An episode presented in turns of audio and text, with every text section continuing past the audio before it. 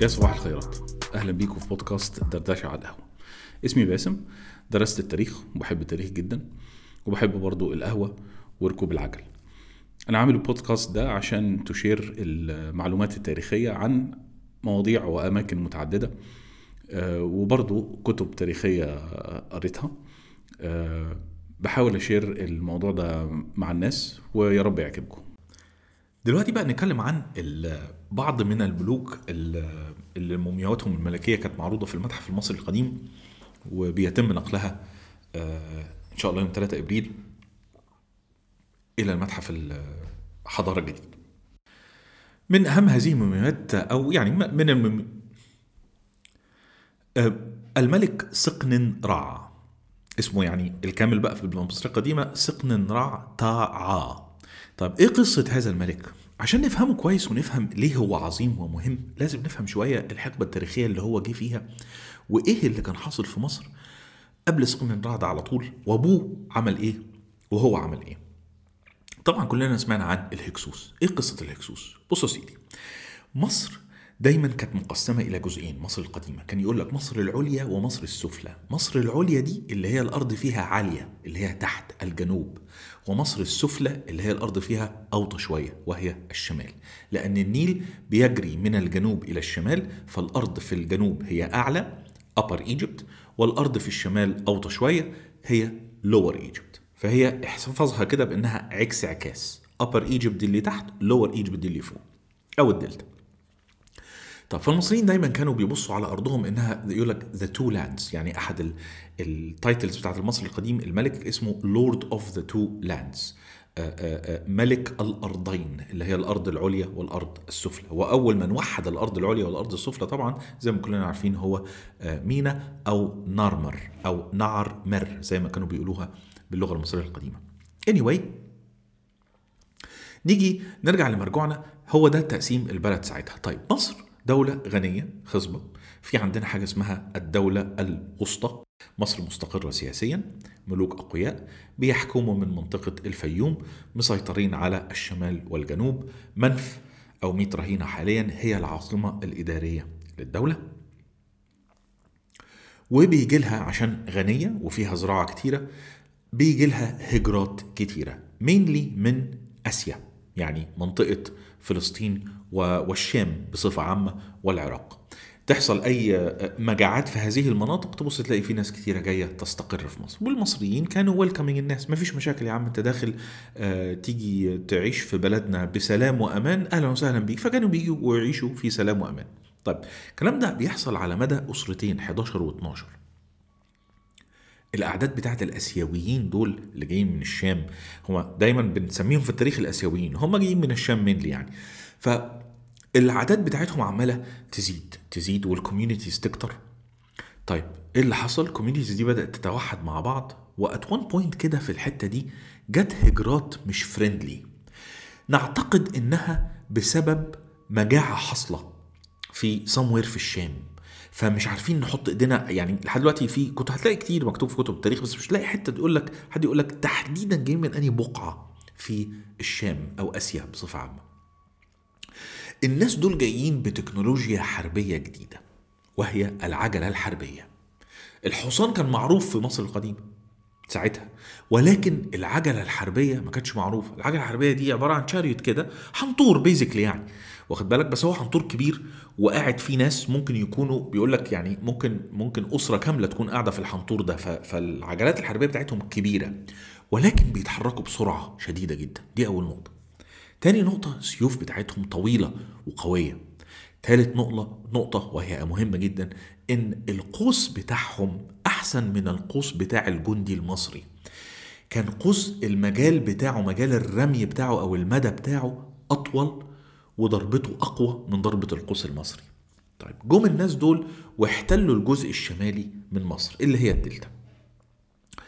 طيب نيجي بعد الأسرة ال 12 يظهر الأسرة ال 13 عشان تفهم حالة عدم الاستقرار ال historical records بتقول لك إن الأسرة ال 13 دي كان فيها 50 ملك. هو عادة في مصر القديمة ما كانش في أسرة بيبقى فيها هذا الكم من الملوك. فإزاي 50 ملك في أسرة واحدة؟ وبعض هذه الملوك عهدهم استمر الخمسين أو سبعين يوم. فده يوريك إن كان في صراع داخلي في مصر. مصر نفسها بقى بدأت تتقسم. كل حتة ملك قوي أو نبيل قوي بيحكم آه، آه، مدينة أو أو أو محافظة يسيطر على المحافظة دي بس ولو حاول يسيطر على اللي جنبه يحاول يسيطر على اللي جنبه ماشي شغال. بس anyway انتهى الموضوع إلى إن في في, في, في مصر اتنين حكام أساسيين حاكم الشمال وهو ملك الهكسوس وحاكم الجنوب وهو ملوك من مدينة طيبة. القديمة ما كانش اسمها طيبة ساعتها ساعتها. هي مدينة الأقصر أوكي؟ والحاليا بنسميها الأقصر يعني. كانوا الملوك الأقوياء فيها فكانت فيها أسرة من الملوك قوية. هي الأسرة السبعة عشر وكان في الشمال في عندنا الهكسوس. خلاص؟ الأسرات 13 و14 يعني العملية مش واضحة. ناس حكموا مصر في نفس الوقت مع بعض من حتت مختلفة. وبعد كده هوت الأسرة 15 و16 المؤرخين بيرجعوها إلى الهكسوس دي أسرة الهكسوس وفي نفس الوقت الأسرة 17 فتلاقي الناس دول كانوا بيحكموا في نفس الوقت يعني مش واحدة جت بعد التانية. المهم إيه كلمة الهكسوس دي؟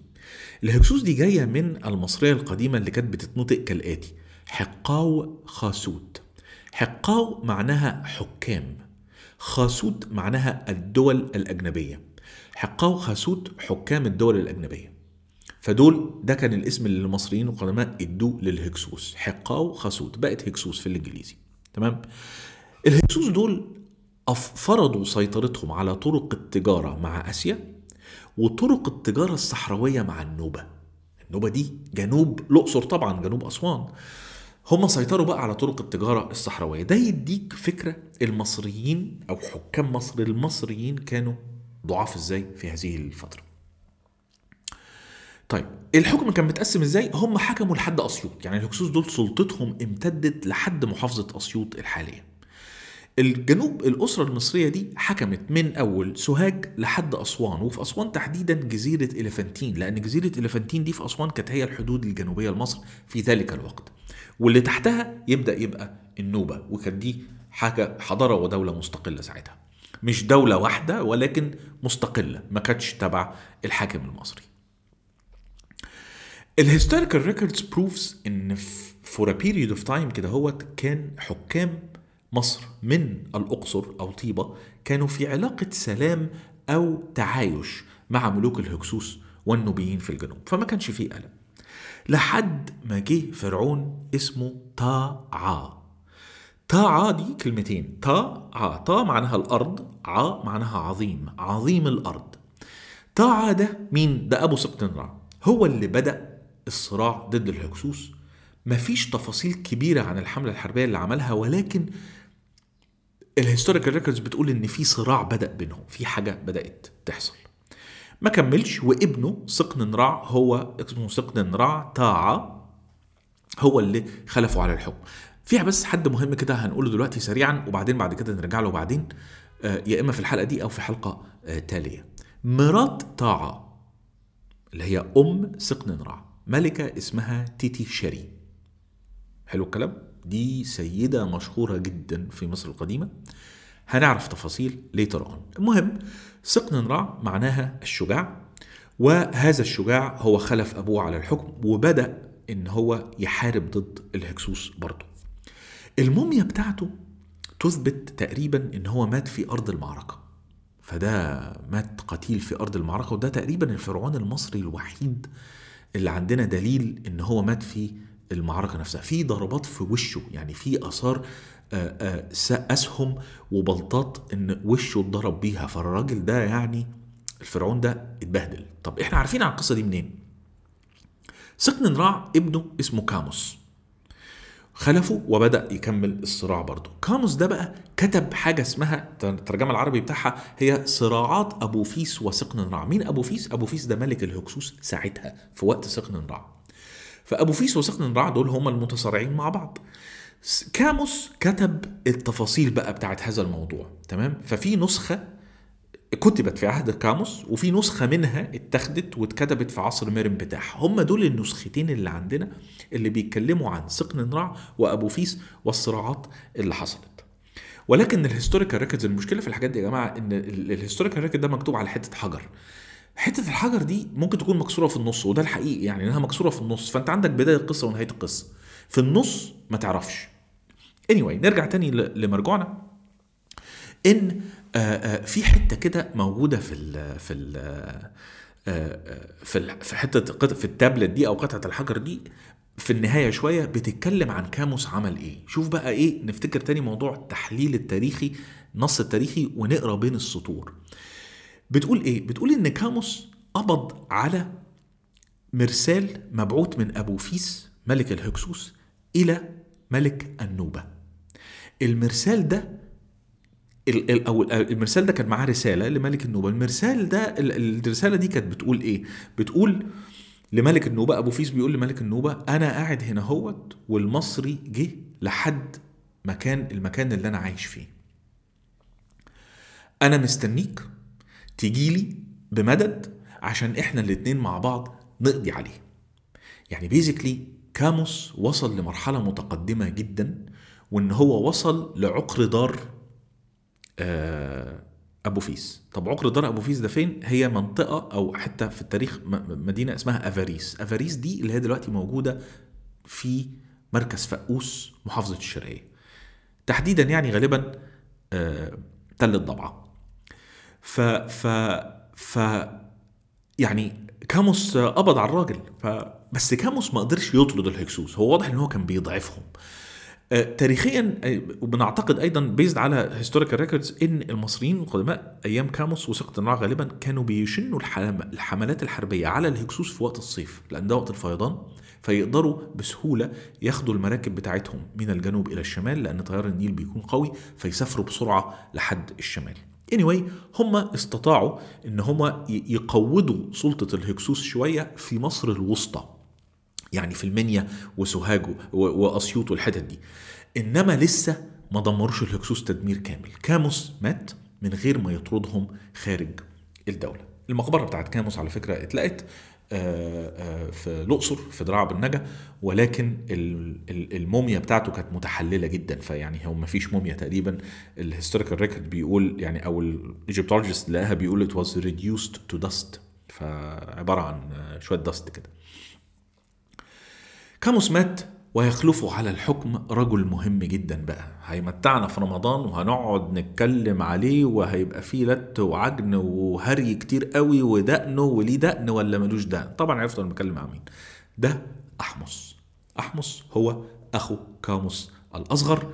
خلف أخوه على الحكم واحمس كان ملك عظيم جدا وعمل حاجات كتيرة جدا. هو يستاهل إن إحنا نتكلم في حلقة عنه. نلقاكم في الحلقة القادمة مع الفرعون المصري أحمس. شكرا لاستماعك للحلقة كاملة. أتمنى تكون استفدت. ولو شايف إن المعلومات اللي فيها كويسة please اعمل share وسيب review وألقاكم إن شاء الله في حلقة قادمة. مع السلامة.